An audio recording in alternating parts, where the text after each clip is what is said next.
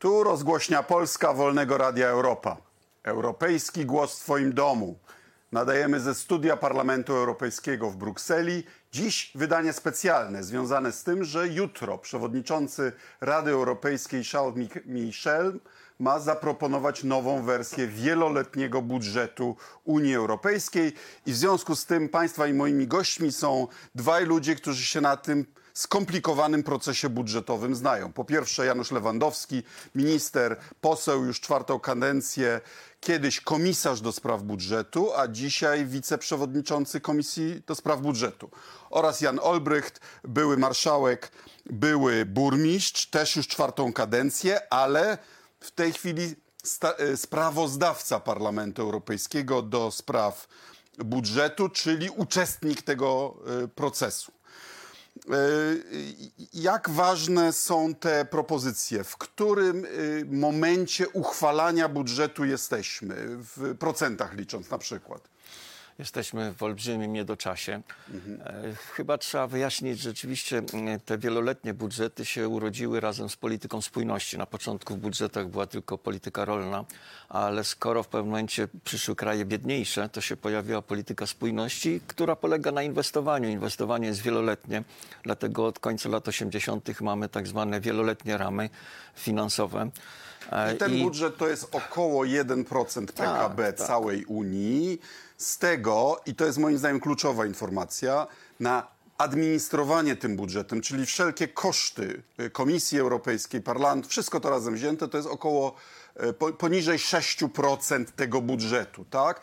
bo jest często e, prezentowany argument, że to gigantyczna biurokracja, wielkie marnotrawstwo. Ja chciałbym znaleźć taką firmę, taką organizację pozarządową, czy takie ministerstwo w Polsce, które na administrację wydaje 5% swojego budżetu. To można jeszcze inaczej ująć, mianowicie 93 do 4% tego budżetu idzie do regionów, do, do badaczy, do studentów Erasmusa, do przedsiębiorstw, czyli jest wydawane, to są pieniądze wydawane w krajach członkowskich. I teraz jeszcze zanim przejdziemy do obecnego budżetu. Za Twoich czasów, gdy byłeś komisarzem, e, komisja zaproponowała bardzo ambitny budżet, ale pod wpływem Brytyjczyków on został radykalnie ścięty. A mimo to Polska dostała rekordową alokację. Dobrze mówię? To była dobrze rozegrana strategia, dlatego że zaczęło się od pozyskania funkcji komisarza do spraw budżetu dla, dla Polaka. To był czas kryzysu, głębokiego kryzysu, nie Brexitu, tylko e, Grexitu.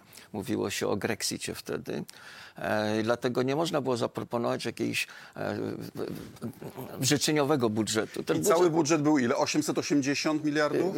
Większy był. Natomiast rzeczywiście w pewnym momencie wkroczył Cameron, który. Szykował referendum i powiedział, że jego przyzwolenie, a to, to jest jednomyślność, to jest ścięcie budżetu o 100 miliardów euro.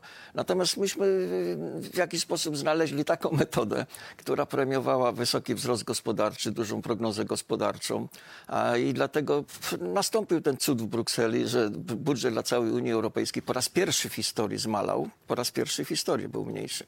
Natomiast do Polski, dla Polski znacząco wzrósł i to jest w tych w obecnych cenach około 500 miliardów 500 miliardów e, złotych bezzwrotnych funduszy. A teraz budżet ma być większy niż 1% PKB, większy niż 1 bilion euro, a alokacja dla Polski ma być znacząco mniejsza.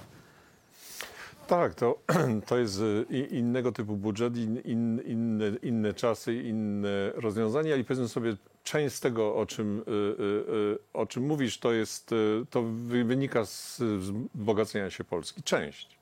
A część wynika z, ze zmiany układu sił, ale również ze sposobu zachowania. Czy Polski. Brexit ma jakikolwiek wpływ na to? 15% płatnik netto. Oczywiście, że ma wpływ, ale, ale y, ma wpływ w tym sensie, że gdybyśmy chcieli utrzymać Unię na tym samym poziomie, przy jednym płatniku mniej, to oczywiście trzeba dopłacić. To jest oczywiste. W związku z czym prawdziwa walka, która się toczy dzisiaj w Europie, polega na tym, albo chcemy utrzymać Unię na tym samym poziomie, plus nowe zadania, ochrona granic, obronność i tak dalej. Jeżeli chcemy utrzymać Unię na tym samym poziomie, musimy znaleźć pieniądze. Ale część rządów uważa, że wcale nie chce utrzymać Unii na tym samym poziomie, tylko mówi, że Unia powinna być mniejsza geograficznie. Czyli są trzy frakcje. My należymy do frakcji przyjaciół spójności, chcemy ambitnego budżetu i są, jest frakcja y, takich centusiów, którzy chcą ścinać maksymalnie, głównie północ. y, i gdzieś po środku Komisja Europejska, dobrze mówię? No tak, ale jeszcze ja do, do tego dodatkowe pytanie. Znaczy, y, oprócz tego tych, którzy chcą dać więcej i tych, którzy chcą dostać więcej i tych, którzy chcą dać mniej, ponieważ i tak dostają mniej, jest jeszcze jedno pytanie. Kto tak opowiada się za jaką Unią? To jest jakby klucz do całej sprawy. I to jest pytanie do rządu polskiego. Rząd polski w tej całej grze, oprócz tego, że chce więcej pieniędzy, co jest zrozumiałe, Znaczy, w kraju mówi, niech się Unia nie wtrąca, Unia ma być tylko strefą wolnego handlu, a tu próbuje przekonywać, że jest dobrym Europejczykiem i chce ambitnych, ambitnego budżetu, tak? No tak, to jeżeli, jeżeli Polska, y, rząd polski, jeżeli chce y, mocnej Unii, zdecydowanej Unii, utrzymującej ten sam poziom, to powinien walczyć o silniejszy budżet, w tym na spójność i na rolnictwo dla Polski. Jeżeli chce takiej takiej Unii, jeżeli chce mniejszej Unii, y, y, a równocześnie chce więcej pieniędzy, to to się nie, nie składa. To jest nieprzekonywujące, tak? Jaka jest rola Parlamentu y, Europejskiego w tym procesie? E, Rola Parlamentu Europejskiego ma, ma dwojaki charakter, bo po pierwsze, jeżeli już rządy dojdą do porozumienia, to zgodnie z traktatem parlament powinien czekać. Powinien czekać do momentu, w którym rządy się między sobą porozumieją, co jak już widać jest bardzo trudne i potem parlament musi powiedzieć tak albo nie. Mamy prawo weta, ale oni wiedząc, że mamy to prawo weta, już teraz uwzględniają niektóre nasze stanowiska? Trochę jest inaczej. Znaczy my od, od półtora roku nieustająco y, żądamy od, od Rady, czyli od przedstawicieli rządów, żeby rozpoczęli z nami rozmowy. Chodzi o to, że my nie chcemy czekać do tego momentu. My chcemy brać aktywny udział w przygotowaniu tego stanowiska przez rządy, po to, żeby uniknąć sytuacji, w której oni nam przyniosą propozycję i my wtedy powiemy nie. Y, I na dzisiaj mamy taką sytuację, że jutro jest spotkanie Rady Europejskiej, a parlament dzisiaj mówi nie. Jakie są e, wyzwania, szanse dla Polski i jakich błędów negocjacyjnych powinniśmy unikać? To rzeczywiście jest y, inny budżet niż ten, który ja projektowałem, bo można powiedzieć, że ten, który jest w tej chwili realizowany, e, czyli na lata 2014-2020, tak naprawdę do roku 2023 to te pieniądze Wydawać będą... można jeszcze, fakturować, Czyli cała nowa kadencja samorządów wybranych w Polsce w 2019 roku i cała nowa kadencja Sejmu, to są jeszcze te budżety, które w jakiś sposób e, A projektowałem. wydamy w ogóle te pieniądze? Bo przecież Raczej wiele, inwest- tak, wiele raczej- inwestycji stanęło. U mnie w Kujawsko-Pomorskim no, znaczy jest piątka. zaawansowanie, zaawansowanie generalnie jest słabe w, No. w, w Unii Europejskiej, bo wszyscy liczą na te trzy dodatkowe lata. Tylko to jest inny budżet. Ja bym nazwał ten, który myśmy projektowali, budżetem Solidarności ze Wschodem. Ten został wyraźnie zaprojektowany tak, że, jest że to jest solidarność z południem Europy, która rzeczywiście jest obciążona problemami migracyjnymi, ale zanosi się na to, że w tym rosnącym budżecie, bo do, w tej chwili mamy paradoks małego budżetu i rosnącej polskiej koperty, a to będzie budżet większy. Natomiast Polska straci około 100 miliardów, y, 100 miliardów złotych w 100 stosunku do miliardów złotych mniej. Tak. Na co będzie mniej? Spójność została poszkodowana na jakieś mniej 19,5. dróg, inwestycji, E, W tak? tej chwili widzę, że się nasi rządzący chwalą, że odzyskają jakieś pieniądze. Tak naprawdę wydaje mi się, że odzyska, odzyskują około 800 milionów euro. Na dla 64 polityki spójności. miliardy, Reszta, tak? reszta to jest korekta, korekta techniczna, także to jest takie nieuzasadnione samochwalstwo. Jeżeli się traci ponad 19 miliardów euro, to trzeba sobie uświadomić, że na przykład metro w Warszawie to jest Przypomnijmy, w tym budżecie ile Polska ma w euro?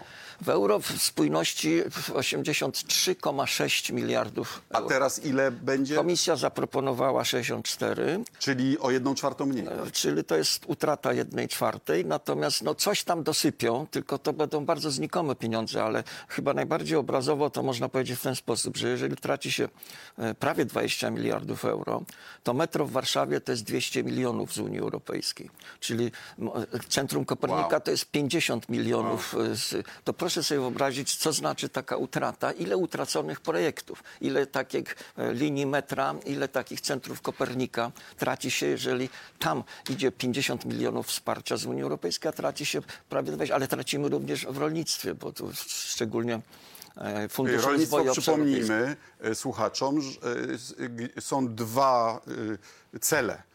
E, Dopłaty bezpośrednie i modernizacja obszarów wiejskich, tak? Gdzie grożą, gdzie będzie więcej, a gdzie mniej?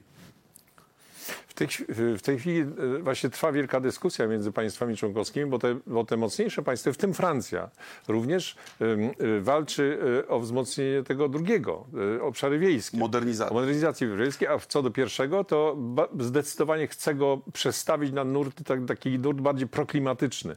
W związku z czym te dopłaty też będą bardzo uzasadnione. Zresztą wo- wobec dopłat trwa również dyskusja, kto powinien je dostawać. Czyli dyskusja wokół tak zwanego aktywnego y, rolnika. Y, A nie tylko posiadacza a nie ziemi. tylko posiadacza. To są wszystkie rzeczy, które się toczą. Oczywiście y, y, rządowi polskiemu y, y, na pewno zależy na większej elastyczności, żeby można było przesuwać z rozwoju obszarów wiejskich na dopłaty bezpośrednie, bo to zresztą w różnych kampaniach rząd obiecał No ale rolnikom. obiecał też wzrównanie y, dopłat do średniej unijnej, ale wokół tego jest dużo mitów. Gdzie jesteśmy tak naprawdę z tymi Znaczy dopłatami? jesteśmy w tej chwili w okolicach średniej, także to jeżeli się obiecuje dojście do średniej, to wygląda na to, że mało No i komisarz do spraw rolnictwa nie ma wiele do powiedzenia w tej Ten sprawie, budżet prawda? obecny jest, y, no powinien mieć wiele do powiedzenia, tylko zapewne nie wiemy jaka jest Ale to jest jego bardziej sprawa wiarygodność. budżetowa niż rolna de facto, tak?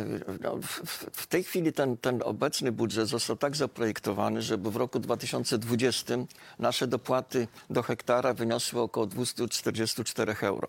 Jeżeli yy, No, ale trochę mniej, ma ale trochę więcej, Grecja ma trochę więcej, Trochę się tak? pomyliłem. Natomiast możliwość przesunięcia do 25% z tego obszarów wiejskich na dopłaty sprawia, że my jesteśmy bardzo blisko średniej unijnej, która wynosi 460 Czy to w euro. ogóle jest dobry pomysł, żeby z modernizacji obszarów wiejskich przesuwać na dopłaty? No, dla, Ja rozumiem polityczną logikę, ale, ale w sensie modernizacji kraju Rząd- i, rolnictwa. Rządzi tym polityka, polityczna logika, bo rzeczywiście w jakiejś mierze te dopłaty bezpośrednio trochę zamrażają naszą strukturę rolną, a Fundusz Rozwoju Obszarów Wiejskich no, dawał wi- większą jakość życia na wsi. Tak, ale jeżeli zobaczymy na szczegóły, to rozwój obszarów wiejskich, który jeszcze kilka lat temu był częścią polityki spójności, czyli był właśnie na infrastrukturę, dzisiaj rozwój obszarów wiejskich jest częścią polityki rolnej, co oznacza tak naprawdę rozwój obszarów wiejskich pod kątem e, dobrych warunków dla produkcji rolnej, funkcjonowania wsi i tak dalej. Także to jest nie- nieprzypadkowo, że rozwój obszarów wiejskich jest w rękach tak naprawdę ministrów rolnictwa i komisarza do spraw rolnictwa. To także jest do, dosyć istotne. Wokół tego też się będzie to, toczyła wielka dyskusja, i, y, ale tam na pewno będą też y, poważne ograniczenia. Ale jak ja obserwuję negocjacje, to negocjacje raczej będą szły w kierunku raczej nie ruszać dopłat bezpośrednich, ewe- ewentualnie ruchy wykonywać y, w rozwoju obszarów wiejskich. No a co z tym słynnym powiązaniem z praworządnością? Bo y, przecież do niedawna rząd y, y, Mateusza Morawieckiego popierał powiązanie z praworządnością, argumentując, że przecież to dla Polski nie jest groźne, bo w Polsce praworządność ma się bardzo dobrze.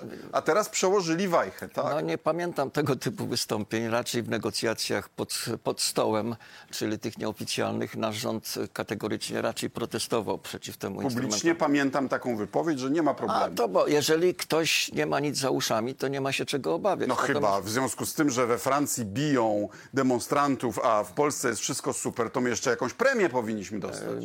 W tym budżecie wbudowano e, dwa instrumenty. Jeden jest kijem, drugi jest marchewką. Kijem jest to możliwość zawieszenia funduszy, jeżeli kraj nie przestrzega zasad rządów prawa. Co Jakim do, trybem decyzyjnym to będzie? To jest skomplikowana procedura, Tak. która musi się zakończyć głosowaniem. E, Oczywiście e, między... e, Ta, ta Większościowym, regulacja Tak? Większościowym, a nie jednomyślnością. Je- Jeżeli jest są trzy wersje na dzisiaj i to bardzo istotne, żeby to jakby zrozumieć, co będzie jutro między innymi dyskutowane. Pierwsza wersja, wersja komisji. Komisja sprawdza, czy y, przestrzegane są rządy prawa. Komisja zanosi to do ministrów. Ministrowie głosują i mogą odrzucić propozycję o zawieszenie funduszy kwalifikowaną większością. Czyli inaczej mówiąc, odrzucenie em, e, propozycji jest trudne. E, Taka jest propozycja komisji. Parlament na to odpowiedział e, w swojej większości. Zgadzamy się na ten instrument, ale powinien być inaczej zrobiony. Powinni to robić eksperci, niezależni, którzy następnie udają się bądź do parlamentu, bądź do ministrów i jedna z tych izb może to odrzucić. Mamy trzecią propozycję, która jest złożona w tej chwili jako propozycja negocjacyjna. I to jest propozycja negocjacyjna przedłożona przez przewodniczącego Rady Europejskiej, żeby osłabić trochę ten mechanizm, to znaczy się przeprowadzić tak, że Komisja Sprawdza Rządy Prawa idzie do ministrów, a ministrowie y, mogą zatwierdzić kwa- kwalifiko, kwa- kwalifikowane, nie odrzucić, tylko zatwierdzić. Czyli- w związku z czym y, na przykład wniosek o zawieszenie funduszy. Czyli politycznie rzecz biorąc, czy prawdą jest, że rząd PiSu zgodzi się na drastyczne cięcia y, funduszy dla Polski w zamian za utrudnienie we wprowadzeniu kar za, prawo, za łamanie praworządności. Sam to ogłosiłeś publicznie i to jest prawda. Natomiast nadal ten instrument, ten, ten kij będzie wisiał nad Polską, bo cały czas być może będzie wola polityczna po stronie Ale sprecyzujmy też, jaki jest interes Polski. Znaczy, interes Polski polega na tym, żeby Polska była praworządna i żeby miała jak najwięcej pieniędzy. A rząd PiSu chce, żeby być bezkarnym w sprawie łamania praworządności i w zamian za to jest gotowy się zgodzić na mniejsze pieniądze. Znaczy, taka, Czy Jezus Maria? Znaczy, zobaczymy, jak to wygląda, ponieważ nie, no nie siedzimy przy stole negocjacyjnym z polskim rządem, co jest dosyć zrozumiałe. Natomiast Rząd, e, przypomnijmy, ma przedstawiciela w komisji Tak. i, w Radzie, I w Radzie. a nie opozycja. To nie będzie wynik działań opozycji, tylko rządu. Znaczy to, co widzimy w tej chwili w dokumentach, to to, że przewodniczący Rady Europejskiej w swoim pakiecie negocjacyjnym przedłożył propozycję, żeby ten instrument powołania rządów prawa z, z finansami, żeby ten instrument był dużo bardziej skomplikowany, co wskazywałoby na to, że on to przedkłada jako swoją propozycję negocjacyjną. E, i Po te- konsultacjach z, z państwami. tak. I w związku z czym stąd to pytanie i teza, którą tutaj godzimy, jest pytanie, w związku z czym jaka jest pozycja negocjacyjna w tej sprawie rządu polskiego? Tylko A co to jeszcze, jest ten- jeszcze jedną rzecz chciałem dodać. Rzeczywiście ten kij trochę jest- bardziej miękki, rozmiękczony w tej chwili. I, I na to się zanosi. Pewnie chodziło o to, żeby pozyskać zgodę polskiego rządu właśnie. No, ale to właśnie na- jest ten, ten brudny kompromis, o którym mówimy. To jest tak? bardzo brudny kompromis, bo to jest kosztem milionów be- beneficjentów tego budżetu w naszym, w naszym kraju. Tylko oprócz kija jest marchewka. Marchewka jest istotna dla organizacji pozarządowych. Tu trochę się mogę pochwalić. A, że pójdzie prze- bezpośrednio, tak? tak, że- bo, że przekonałem do tego e, ówczesną szefową budżetu e, w, w Komisji Europejskiej. Ona taki projekt wystosowała. Instrument wartości. Pieniądze kierowane prosto e, po konkursach z Brukseli do organizacji pozarządowych bez pośrednictwa rządu. Bo widzimy, jaka jest sytuacja organizacji pozarządowych na Węgrzech i w Polsce. No, dostaje tylko skrajna Muszę pochwalić prawda? Michała Boniego, bo on tutaj pracował nad tym w parlamencie, jak to przyszła propozycja i rzeczywiście ona urosła co do, co do swojego wolumenu finansowego. Także mamy w tym w tym, w tym budżecie, na który się zanosi, oby się dogadali, bo oprócz tego jest, jest poślizg, jest po prostu... W twoim budżecie nie było Funduszu Sprawiedliwej Transformacji. Jak byś doradzał polskiemu rządowi, żeby to negocjować? Po pierwsze trzeba zgodzić się na neutralność klimatyczną. Do 2050 Bo roku, tak? w dużej mierze jest to warunkowy pieniądz, y, zresztą bardzo skromny dla Polski, bo około 2 miliardów euro. To naprawdę jest kropla w morzu potrzeb, ale może być Ale to jest połowa. 8 miliardów złotych, to już warto się schylić. No, rząd przepuścił prawie 30 miliardów złotych na tak zwany program Czyste Powietrze. Nie, ten program nie zadziałał. Te pieniądze przechodzą nam koło nosa, czyli dużo większe pieniądze. Program Czyste y, Powietrze, który mógł być finansowany y, z Unii Europejskiej. Ale jeżeli rząd nie zadeklaruje, że idzie drogą y, walki z, z, z ociepleniem klimatu, to te pieniądze skurczą się Czyli o co, połowę. grozi nam to, że mimo, że polski węgiel i tak już jest zbyt głęboko, żeby go w sposób ekonomiczny wydobywać, i tak importujemy rekordowe ilości rosyjskiego węgla, ale rząd udaje, że broni e, e, rolników i, i na, to, przez, na to udawanie jest gotów e, przeznaczyć utratę połowy funduszy, które, które możemy dostać. Dobrze mówię? Tak, ale to jest, e, e, powiedzmy sobie, przy tym funduszu e, to jest istotne, że ta propozycja, propozycja, propozycja obcięcia państwu, który nie zgodzi się na neutralność klimatyczną, jest w dalszym ciągu w pakiecie negocjacyjnym. Ja myślę, że najwyższy czas, żebyśmy zadali pytanie rządowi, jakie jest jego stanowisko wobec tej propozycji. Ona jest, ona jest wpisana w propozycję negocjacyjną. Przewodniczący y, Rady Europejskiej napisał w tej propozycji, czego nie było wcześniej. Państwo, które nie zgodzi się na neutralność y, energetyczną, straci połowę z Funduszu Sprawiedliwej A Transformacji. co w ogóle nam szkodzi, żeby się zgodzić? Znaczy, kto to zweryfikuje w ciągu 10 następnych lat? Czy my wypełniamy y, te, te, te, te, te, założenia? Ale to jest pytanie, które my zadajemy. Też tak, jeżeli rząd się na to zgodzi, to znaczy, znaczy się, że zapewne się zgodzi na neutralność e- e- energetyczną. To znaczy, jak na razie tylko stworzę takie wrażenia dosyć mylące. Jeżeli się na to nie zgodzi, to znaczy, że chce stracić, czy nie zależy mu na miliardzie, e, na miliardzie euro, co jest dosyć kosztowną też sprawą. Czy stracimy jest- miliard, a i tak będziemy importować ruski węgiel, tak? tak To jest. jest kwestia wiarygodności. No, jeżeli jesteśmy jedynym rządem w tej chwili, jedynym krajem, w którym otwiera się nowe kopalnie i chce się budować nierentowne bloki węglowe, bloki węglowe, No, się, mam że nadzieję, się wycofuje z tego, powoli się zmarnowawszy. Jeszcze się nie zadeklarował, pieniędzy, ale to pieniądze e, przepadły rzeczywiście na, na Ostrołękę. Rząd wy, wydał jakąś bezsensowną wojnę wiatrakom, w, walka z wiatrakami. Narażając Skarb Państwa na gigantyczne odszkodowania. Prze, przeprasza się teraz z wiatrakami morskimi, ale ten prąd popłynie gdzieś w 22 Pogorszył też roku. warunki dla prosumentów. Wiem coś o tym, deklaruję interes, bo mam małą farmę Czyli fotowoltaiczną. e, niezależnie od deklaracji też trzeba być wiarygodnym na tej drodze do, do czystego powietrza, bo nie jesteśmy wiarygodni na tej drodze. No ale jeżeli, e, jeżeli pan prezydent mówi, że nie będą nam w obcych językach narzucać energooszczędnych żarówek, nie wiem, może skleiłem dwie wypowiedzi e, i w Katowicach raczej próbuje cały świat przekonać, że węgiel jest super, no to, to nie jesteśmy wiarygodni, tak? Tym, są, dwie, są dwie rzeczy. Ja myślę, że to też będzie. Ja jestem ze Śląska. W związku z czym trzeba o tym pamiętać, że mamy dwie zupełnie odrębne rzeczy, które, które trzeba załatwiać równolegle. Z jednej strony mamy kwestię kopalni i górników. Prawda? Z którymi oczywiście trzeba się zająć, bo to jest poważny problem społeczny, gospodarczy i tak dalej. A z drugiej strony mamy kwestię produkcji, produkcji energii. Może być sytuacja, w której jednego dnia naprawdę będzie mało kopalni bądź mało górników, a produkcja będzie dalej szła z węgla.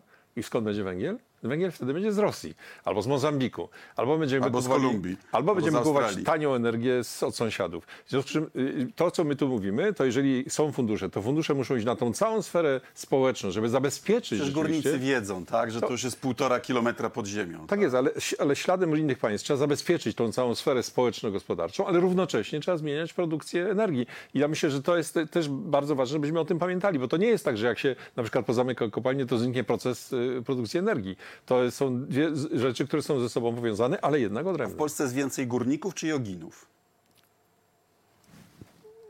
Nauczycieli jogi, czy trenerów jogi. Nie wiem. No, ciągle ponad 80 tysięcy ludzi Oj, pracuje. chyba już 60 parę Tak? pod ziemią. 60 parę. Ale trzeba powiedzieć, że to są bardzo ciężko pracujący ludzie i w związku z czym trzeba, trzeba dokładnie y, zająć się nimi, ich rodzinami i firmami pośredniczącymi. Bo jest masę firm, które są wokół górnictwa. To jest poważny problem i trzeba się tym zająć. Ale tak jak mówię, to nie jest problem, który załatwia kwestię No produkcji tośmy się wzięli z, z, teraz za górnictwo i energetykę, ale, to No, ja, ale ja jestem trans, trochę ale ten fundusz transformacji to jest po to, żeby Polsce pomóc y, do, Ale- dokonaniu transformacji, która i tak nas czeka. Ale tak? wyjaśnijmy sobie, y, y, to są pewne mity. Fundusz transformacji, który będzie w granicach około 2 miliardów, do którego trzeba będzie dołożyć pieniądze strukturalne i pieniądze polskie. To jest fundusz przeznaczony głównie na, wątki właśnie społeczno-gospodarcze. To jest to. Natomiast w mechanizmie transformacji, czyli w kredytach z Europejskiego Banku Inwestycyjnego, tam mają być pieniądze dla firm, które mają zmienić e, produkcję. Także cały, cały szum informacyjny w Polsce idzie wokół funduszu, o czym zresztą Janusz mówił, że jest niewielki. On musi być na tą całą sferę społeczno-gospodarczą. Naprawdę istotne jest to, żeby rząd miał gotowe projekty, jeżeli chodzi o firmy, o gospodarkę, bo tam będą pieniądze duże e, dotyczące zmiany produkcji. O to chodzi. Więc ja mówię, nie koncentrujmy się tylko na Funduszu Sprawiedliwej Transformacji, bo to coś zniekształca obraz. Jasne. Jasne.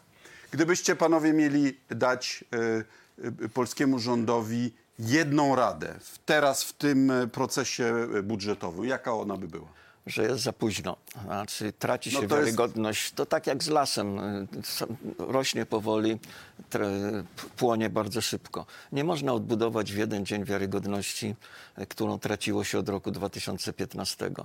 Także ten budżet w jakiś sposób jest swoistym wotum nieufności wobec dwóch krajów szczególnie, czyli Węgier i Polski. Ja nawet napisałem, czy powiedziałem, że to jest jakiś wyrok, wyrok e, budżetowy zbiorowy za wyczyny Kaczyńskiego i Orbana, bo traci, tracą Czesi, traci Słowacja, e, Estonia, Łotwa, Litwa. Ty, zyskują tylko dwa kraje z południa. Czyli to całe Bułgaria, gadanie, e, co nam Unia może zrobić, prawda, jak my sobie będziemy łamać praworządność. I okazuje się, że przychodzi moment, gdy to my tej Unii potrzebujemy i okazuje się, że, że to ma swój bardzo namacalny na koniec wpływ.